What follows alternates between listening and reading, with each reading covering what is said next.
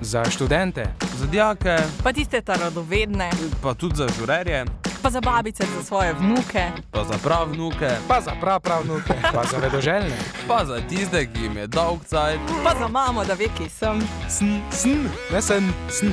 Sen. Pa ni sen, sn. sn. Itak pa za mlade, ne? Za mlade. Za mlade. Za mlade. Za mlade. Za mlade. Vsako sredo podaja mladi, mladi, mladi, mladi na radiju Maribor. Pozdravljeni v oddaji Mladi mladi. Lepo pozdravljeni v studiu, se nama bo pridružila mlada oblikovalka nohtov Nika Matečko. Povedala nam bo, kakšni so in kakšni bodo trendi oblikovanja nohtov v letu 2021. Seveda tudi nekaj o tem, kako si jih lahko doma uredimo tudi sami. Naša druga gostja bo Metka Jelek, mlada mariborska oblikovalka, ki se je lotila izdelave nakita iz polinirane gline. Zaključili bomo z dijakinjo Petjo Klojčnik, odlično atletinjo. Ne uide nam niti evranit prispevek, ki ga je pripravila Anja Urek, v katerem bo govora o razvoju jezikovnih tehnologij. Z vami smo Katja Zvir, Dominik Hojnik in tonski tehnik Igor Pavkovič.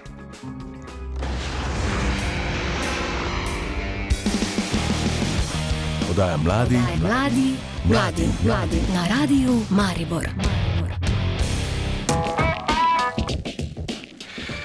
Katja, si morda zaradi letošnjih razmer kdaj izpustila obisk pri kozmetičarki? Ja, sem mogla, pa še občine so bile zaprte, tako da še to me je ustavilo. No, imaš srečo za tebe in za naše poslušalce, imamo par nasvetov. V studiu pozdravljam Niko Matečko, mlado oblikovalko nohtov. Nika, lepo pozdravljena. Zdravo. Lepo pozdravljena. Povej za začetek, kako si kaj danes? Pa super, odlično. Odlično. Vreme je v redu, ti je všeč? Uh, mi je bilo že boljše, malo premrzlo za mene načeloma, ampak ne bi škodilo, kakšne tam stopinj Celzija več. Se strinjam. Tako je, zdaj pa nam za, za začetek povej, kako to, da si se odločila, jaz bom pa kozmetičarka. Torej, imaš raj izraz oblikovalka nohtov, manikirka? Uh, v bistvu za kozmetičarko sem se odločila enih par let nazaj, ko sem v bistvu začela sama sebe ličiti in takrat je meni mama rekla, ti pa moraš iti na kozmetično šolo. Takrat sem jaz prvi sploh slišala, da to, to dejansko obstaja, predtem sploh nisem vedela in od takrat sem jaz vedno imela v glavi, jaz sem pa kozmetičarka in katero koli področje, ali je to masaža, kakršna koli njega me pač veseli. Uh, glede izrazov, pa mi same sebi govorimo bolj nohtarce, uh, ampak kot nadzivi, pa seveda oblikovalka nohtov se malo lepše sliši. Slangovsko, ste nohtarce. Tako. uh, torej, mama ti je svetovala za tole šolo, si jo takrat prvič poslušala ali jo še zdaj vedno poslušaš, ko ti kaj pove? Ja, vedno izbiram, kaj bi pač poslušala. Včasih se bolj nagibam k sebi, ampak nekako druga mnenja vseeno zelo štejejo v življenju. Tak, ja. No, me veseli. Um, um, glej, sem moški, malo vemo ženskam, o ženskah, zato te bom zdaj takole vprašal, um, kakšne barve nohtov so letos popularne? To je pa zelo eno tako uh, obilno. Ogromno vprašanje, doben v bistvu ne ve nekakšnega pravega odgovora na to, ker v zadnjih letih so se nohti tako razpasli od različnih oblik, barv, dolžin, da na to je pač res zelo težko odgovoriti. Nismo pri neki klasični rdeči, čeprav jaz rečem, da to še vedno vsaki ženski paše. V zadnjih letih se je tudi uh, vrnila nazaj francoska manikira, kar pomeni tisti beli rob, uh, čeprav se danes pač uporablja z najrazličnejšimi barvami in oblikami. Um, Tako da jaz vseeno mislim, da gremo v tem svetu malo preveč v neke ekstreme, uh, z ekstremnimi oblikami, dolžinami, uh, kristali in ne vem čem, da pač nohti v bistvu ne služijo več svojemu namenu, ampak v bistvu bi lahko sam sedeli lepo in imeli roke v zraku, ker z njimi pač ne moremo dejansko nič delati. Neki zvezdniki pa to se mi zdi pač, da mogoče malo s tem pretiravajo, uh, ampak načeloma pač vsak ima neko uh, svojo noto, pa tudi sama nohtarca, če tako lahko rečem, ima uh, preferira neke svoje tehnike. Uh -huh. Na kaj moramo biti pozorni moški, ko kupujemo lake za nohte, se pravi za vas, za ženske? Na kaj vse je potrebno gledati? Zdaj, če pač ima ženska vem, navadno manikiro, potem bi jaz pač svetovala, da se uporabijo neke barve, ki so pač ne všeč, da ne nas zdaj gremo čisto v neke druge smeri. Uh, in da pač gledamo na neko mogoče kvaliteto, da se laki ne na preveč hitro usušijo, ker ti navadni pa se sušijo na zraku in lahko prehitro postanejo gosti. Če pa naša uh, boljša polovica hodi na manikiro k svoji nohtarci, pa jim mogoče lahko tudi kupimo kakšen bom, pa bo prišparala kakšen evro na mesec. To kot da bi poslušal nekaj o vesolju, se mi zdi. Kako pa je z motivi, katere bi izbrala ti, mogoče ravne črte, juge, rožice? Uh, jaz samo mogoče uh, postajam uh, z vsako stranko uh, bolj naklonjena risanju. Prvo sem mislila, da to res ni za mene in da nimam mirne roke, zdaj pa vidim, da mi vseeno nekako gre. Um, tako da, ja, karkoli si pač nekakšna stranka izbere, kaj je všeč, pol nekako uskladima in pač je od najrazličnejših motivov, tudi živalskih, karkoli, od različnih srčkov, ki so tako ali tako vedno popularni, do tako kot sem rekla, francoske, ki se še vedno riše. Tako da, ja, pač karkoli res, to je tak širok spekter. Nika, hvala vse za povedano. Eh, Pa tako kot zadnje vprašanje, malenkost tako izkrivo, si imela tudi kdaj kakšno moško stranko? Uh, na nohtih ne, na pedikuri pa že veliko krat. No, evo, eh, še, še imamo čas. Eh, Torej, obilo uspeha pri ustvarjanju nohtov, um, pa lep večer še naprej. Hvala, da si prišla. Eh, hvala tudi vam, da, ste, da sem bila povabljena. Pazi, lučka. Ker mene je full strah. Štrckanje s kulicami dovoljeno pod mizo. Telefone izklopimo, ker če zvonijo. Joj, kako to je? Nadaljujemo. Mladinska oddaja mladi mladim. Lepa, lahko gremo. Nošenje nakita je vedno aktualno, tudi v letu 2021 bodo ti modni dodatki resnično zauzeli pomemben položaj v modnem svetu. Zato je z nami v studiu gostja Metka Jelek, 23-letna študentka naravoslovno-tehniške fakultete v Ljubljani. V času karantene jo je pritegnilo oblikovanje iz polimerne gline in odločila se je, da tudi sama poskusi. Metka, lepo pozdravljena. Bravo. Hej, Koliko časa se ukvarja z modo in dizajnom in kdo te je navdušil ravno za to? Um, z modo in dizajnom se v bistvu ukvarjam zdaj četrto leto. Um, za mano so tri leta študija oblikovanja tekstilij in oblačil na NTF-ju v Ljubljani, trenutno sem pa absolventka. Um, z nakitom sem se srečala že tekom faksa, potem pa z tem minimalističnim nakitom pa sem se začela ukvarjati lani oktobra, um, s prodajo smo pa začeli letos 1. februarja. Um, drugače navdušila sem se v veliki večini sama, uh, odvedno me veseli moda in oblikovanje. Um, je pa moja babica tista, ki je vedno urejena, je modna navdušenka in ima polno omaro oblačil, tako da verjetno sem ta čut dobila od nje. Um, dedi pa je bil zelo, zelo um, v bistvu, um, talentiran za risanje, tako da ta talent sem sigurno po njem podedovala. je bila babica morda manekenka? Uh, ne, to pa ne. E, Torej, dejala si med karanteno, si začela z ustvarjanjem nakita iz polimerne gline. Povej mi, kaj je polimerna glina? Um, to je v bistvu taka posebna masa, ki je sestavljena iz PVC delcev, torej iz plastike. Zdaj jaz se res trudim, da pač ves material porabim, zato da ne ustvarjam dodatnega onesnaževanja okolja. Um, sem se pa odločila za ta material iz tega razloga, ker je zelo lahek na ušesu. Torej, jaz v bistvu sploh ne čutim uhančkov, ko jih imam na sebi. In, um, um, še ena dodatna lastnost, ki je v bistvu, zaradi katere sem se odločila to uporabiti, je, ker se lahko te uhančke vedno predela v nekaj drugega. Torej, ta masa se lahko kadarkoli spremeni v nekaj drugega. E, torej, res je, takole, ko te gledam e, takole čez mizo, um, uhančki so dokaj veliki, pa dejale si, da so lahki. E, povej nam, uporabljaš tudi kakšen drug material poleg te gline? Uh, ja, uporabljam še pozlačeno oziroma posrebreno uh, medenino in pa jeklo. Uh, s tem, da jeklo je hipoalergensko, tako da je primerno tudi za občutljiva ušesa, sem pa trenutno tudi zelo, zelo navdušena nad uh, sladkovodnimi biserčki in jih uh, kombiniram z vsemi temi materiali zelo, zelo rada. Kako pa poteka proces izdelave uhanov, jih izdeluje sama, ti pomagaš še kdo? Um, v bistvu uhančke izdelujem sama, je pa moj oče lastnik uh, te trgovinice in upravlja uh, vsa dela povezana z birokracijo. Um, Pa tudi kakšna dela, ki niso povezana z ustvarjanjem. Um, proces je pa v bistvu zelo dolg. Um, Um, ta masa se v bistvu dobi v takih kockah in se potem razvalja z takim valjarjem, uh, potem pa se spušča skozi um, um, strojček za delanje testa za testenine. In lahko se mešajo različni odtenki, da se dobi pač želeno barvo, um, potem se z različnimi modelčki dobi želene oblike, dela se različne teksture in um, vzorce, um, potem pa se to peče v pečici. Um, potem se tudi uh, ustvarjajo luknje, kjer je to potrebno, obvezno se brusi um, in na, na to še očisti z acetonom. Um, potem pa v bistvu, kjer je, želim ta efekt, tudi polakiram vse skupaj, pa zalepim kakšne dodatne delčke in pa seveda potem sledi še sestavljanje, um, da potem še uporabim vse ostale materiale. Um, potem pa v bistvu dam to vse skupaj na kartončke in dodam še certifikat za um, certifikat avtentičnosti vsakemu. Kosu. Odlično, odlično.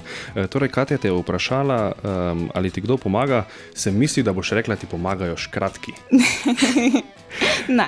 torej, odprla si spletno trgovinico, kjer si začela s prodajo svoje kreacije, imenuje se Jelek Shop. Zakaj takšno ime?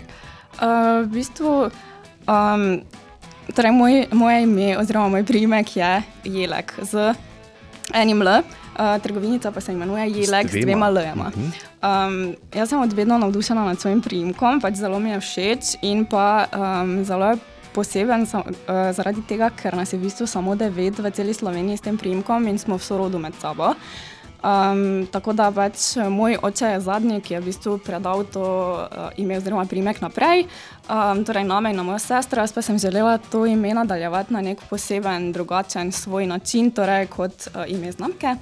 Um, v bistvu zakaj pa dva L, to pa zato, ker je bil vedno uh, primek z dvema L-jema. Um, Potem pa, ko so po vojni poslovenili določene primke, so tudi nam vzeli en le stran. Um, jaz pa sem v bistvu zelo uh, povezana z družino, pa z zgodovino in sem želela pač še nekako to vključiti, prednike in vse ostalo. Metka, najlepša hvala, da si se odzvala po vabilu, pa še veliko kariernih podvigov. Hvala. Hvala. Pazi, lučka. Ker mene je full strah. Štrckanje s kulicami dovoljeno pod mizo. Telefone izklopimo, ker če zvonijo. Joj, te to je. Nadaljujemo. Mladinska oddaja mladi mladim. Je pa lahko gremo. Razvoj jezikovnih tehnologij je ključnega pomena za preživetje jezika v digitalni dobi, saj se sicer ne bomo mogli vključiti v nove načine komunikacije, metode dela ter preživljanja prostega časa, ki bodo na voljo v prihodnosti. Več Anja Urek. Euronet Plus, Zagreb. Euronet Plus, vodilna radijska mreža za EU novice. Euronet Plus, boljše razumevanje Evrope. S projektom Razvoj slovenščine v digitalnem okolju, ki ga sofinancirata Evropski sklad za regionalni razvoj in Ministrstvo za kulturo Republike Slovenije, je Slovenija prepoznala pomen razvoja sodobnih jezikovnih tehnologij za slovenski jezik. Projekt povezuje vrsto raziskovalcev in tehničnih sodelavcev iz obsežnejšega partnerskega konzorcija vseh pomembnejših institucij na tem področju pri nas, osrednji prijavitelj in koordinator projekta pa je Univerza v Ljubljani. Med sodelujočimi je tudi Univerza v Mariboru, zato smo v projektu govorili z nosilko projekta na Fakulteti za elektrotehniko, računalništvo in informatiko z dr. Darinko Verdonik. Sogovornica glede namena projekta razlaga. Pripraviti dodatne vire in dodatne tehnologije, ki so za slovenščino pomembne, zato da lahko ustrezno vstopa v digitalno okolje, da je podprta v raznih digitalnih medijih, aplikacijah, kjer se uporablja govorjeni jezik, da je možno pripravljati jezikovne priročnike na neki današnji ravni, kot je v razvitem svetu.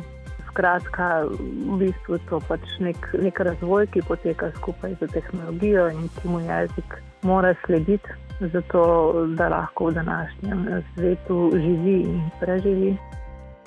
Razvoj slovenščine v digitalnem okolju predstavlja tesen preplet jezikoslovja in tehnologije, pri tem pa gre po besedah sogovornice za daljša prizadevanja jezikovno-tehnološke skupnosti v Sloveniji ker se pač, je, je kar nekaj akterjev, vidnih akterjev iz, iz no, srednjih uh, raziskovalnih institucij v Sloveniji. Temu razvoju sledimo, vidimo, kaj se dogaja v svetu, uh, kam gre razvoj in pač nekako skušamo opozarjati na to da je določene stvari tudi za slovenščino treba poskrbeti, da moramo za njih poskrbeti mi sami, da drugi ne bodo, kar je mogoče pri kakšnih večjih jezikih manj izrazito.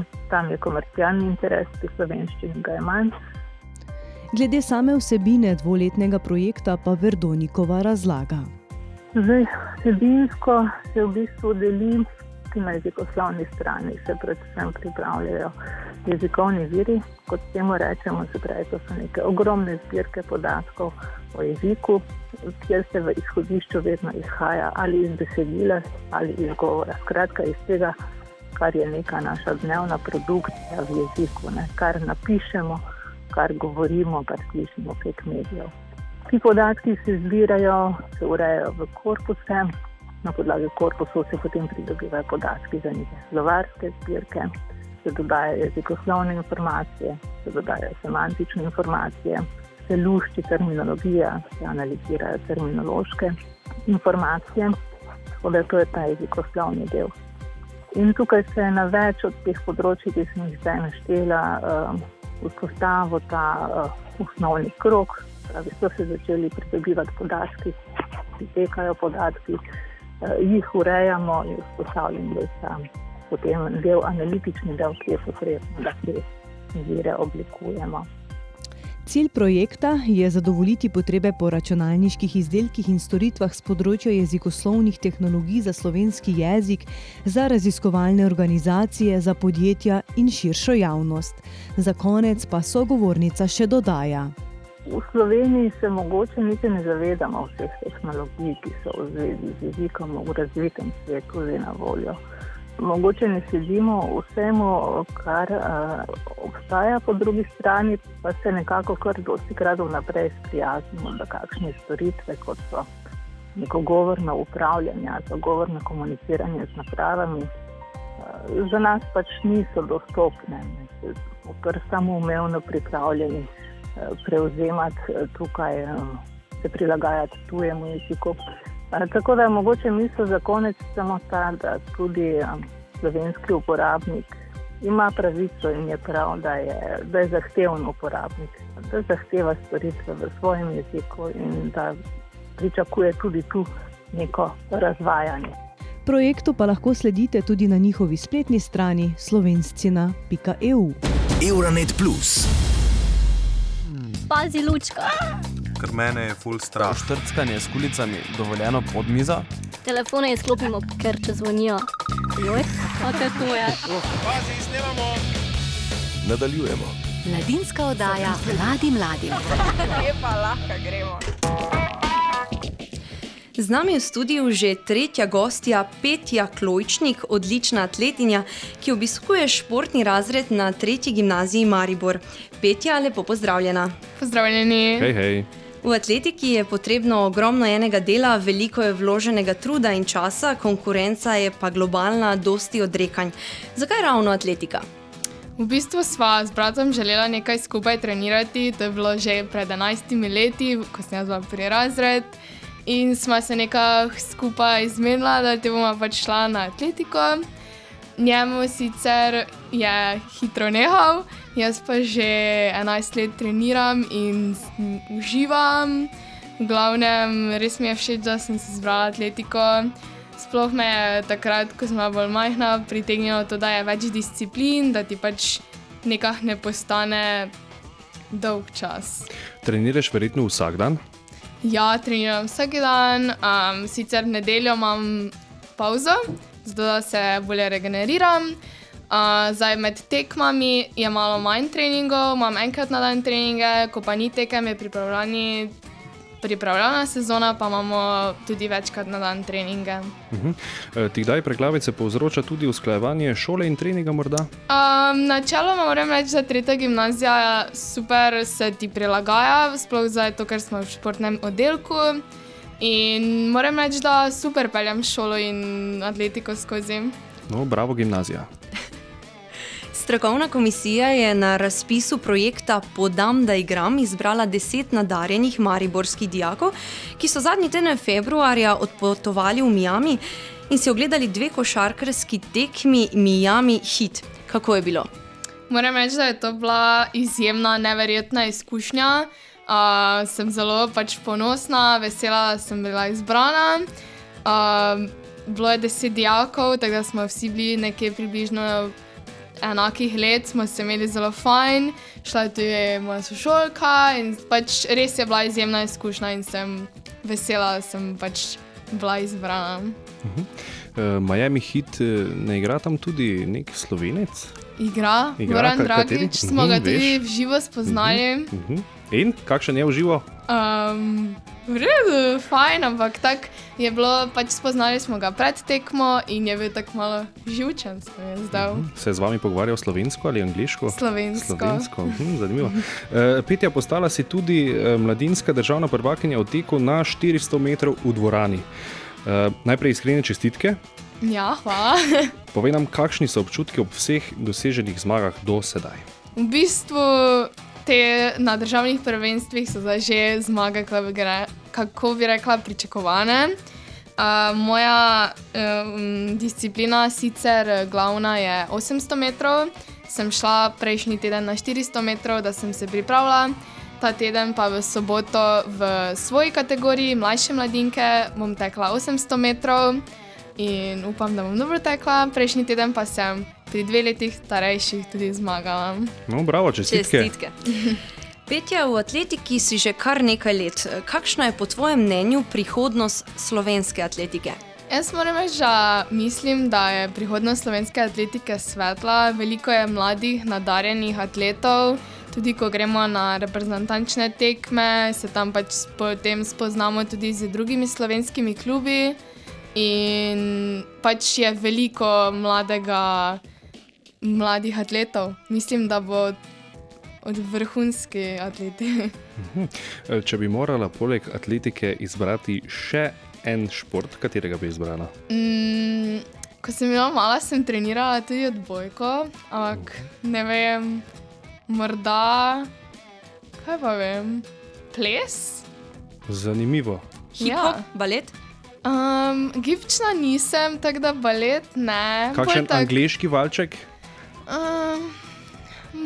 Mogoče, ne bi bilo tako mimo. Ampak, ja, ples se mi zdi kar vredno, pač tako malo ustvarjalno tudi. Petja, hvala za obisk v studiu, z Dominikom pa ti želiva še veliko športnih dosežkov. Hvala tudi vam. Uh, kaj bi šla ti danes z mano ven? Mm, um, mm? Kaj zdaj bi šla ali ne? Kaj bi šla? Kaj pa jaz? Ja, pol grem jaz tudi. No, če že greste vsi, pa grem še jaz. Napovednik dogodkov. V Mariboru in okolici se vedno kaj dogaja. Poglejmo, kaj se bo dogajalo ta teden.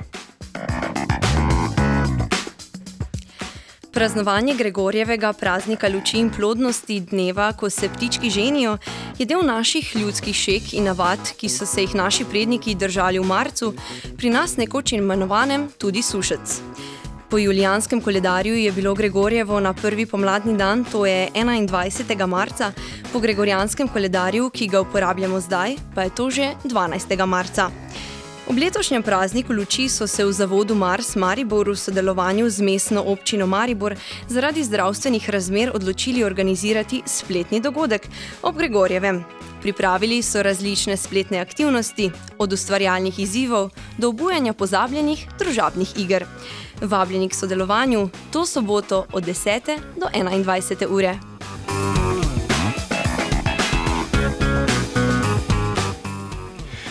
Pridružite se lahko tudi spremljanju spletnega koncerta ta petek od 17. ko bodo nastopili Maja Kjevc, Amaja, Žan Hauptmann, Leonard, Taja Božič, Saša Jovičič in Rok Vilčnik, Simpatiko in Ramona. Njihov spletni koncert bo organiziran po letu epidemije, leto potem, ko so morali glasbeniki zapustiti odre in gostinci zapreti svoja vrata lokalov. Ko se ljudje že vso leto zadržujejo večinoma doma, mesto pa je zaradi tega opustilo. Nastopajoči si želijo s tem sprebujanjem pomladi prebuditi tudi mesto in aktivirati ljudi, saj se zavedajo, da glasba združuje, razveseljuje in nam pomaga, da gremo lažje skozi težke čase in da bolj optimistično zremo v prihodnost. In tako vas vabijo, podprite neposredni prenos koncerta na spletu, prižgite svoj najljubši lokalni radio ali pa se sprehodite po mestu. Tako bo mesto postalo oder, zaprti gostinski lokali pa glas, krik naših glasbenikov. Dodajajo pa še zdravstveno opozorilo. Za psihofizično zdravje človeka sta prekomerno posedanje doma in abstinenca od kulturnih vsebin škodljiva.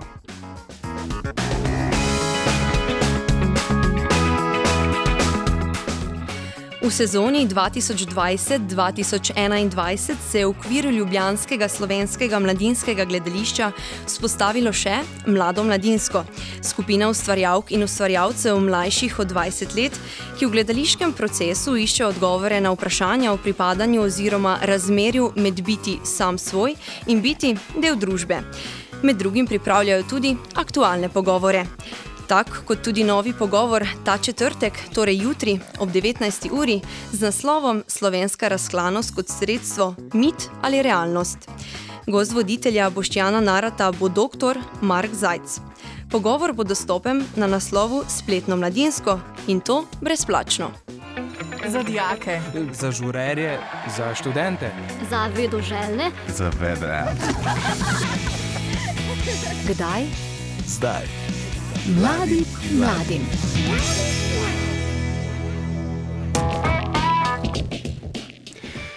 Pa smo pri koncu še ene prekrasne oddaje.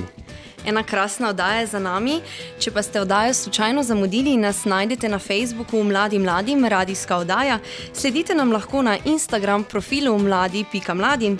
Za mojo oddajo pa lahko ponovno poslušate na portalu RTV 4D.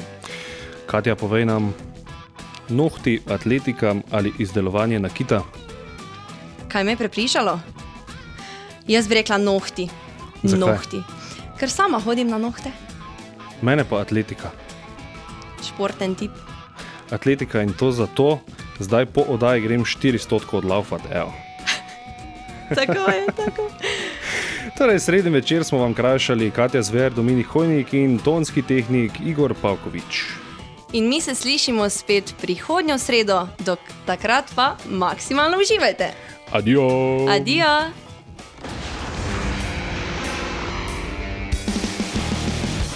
Oddaja mladi, Mladi, mladi, mladi na radiju Maribor.